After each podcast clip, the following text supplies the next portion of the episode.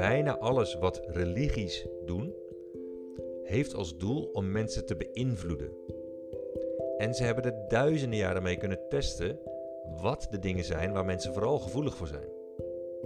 Waardoor een grote groep mensen meegaat in het grote verhaal, zodat ze zichzelf kunnen redden, zodat ze vrede vinden, een beter mens worden. Wat kun je daar als ondernemer nou van leren?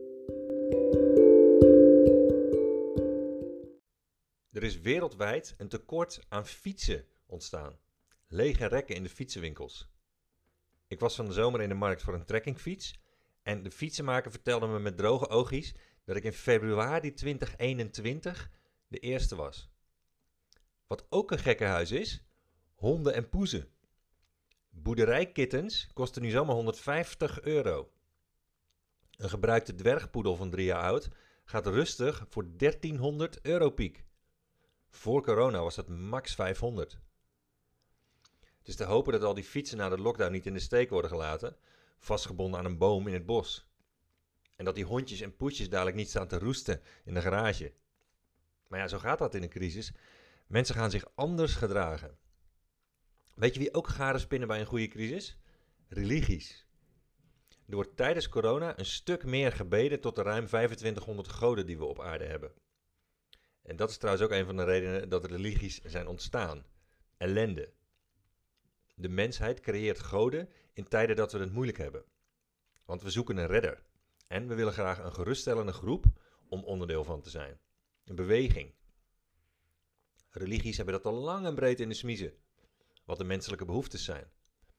Daarom bestaan ze ook al sinds het jaar nul. Bijna alles wat ze doen heeft als doel om mensen te beïnvloeden.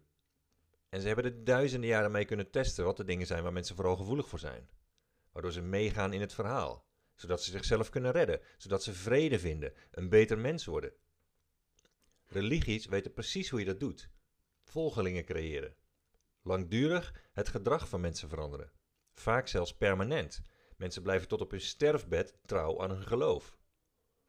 Religies doen dat in het belang van hun volgelingen zelf, maar ook in hun eigen belang natuurlijk. Dat is wat religies doen en waar ze verduiveld goed in zijn geworden. Als je goed kijkt, zie je acht succesformules die ieder geloof gebruikt om volgelingen te krijgen. Want een goede God heeft geen kerkgangers, maar volgelingen. Want kerkgangers kunnen gaan shoppen, volgelingen niet, die blijven. Dat komt doordat hun keuze op acht manieren is verankerd in hun brein. In jouw business werkt het net zo, alleen misschien doe je daar nog niks mee.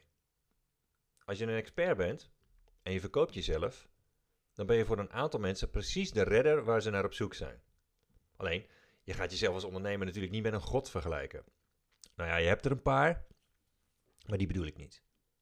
Normale laarzen in de blubber-experts doen dat niet. Maar door klanten worden ze toch gezien als hun redder. Ik heb dit uitgebreid bestudeerd en acht formules gevonden die religies gebruiken om volgelingen te krijgen.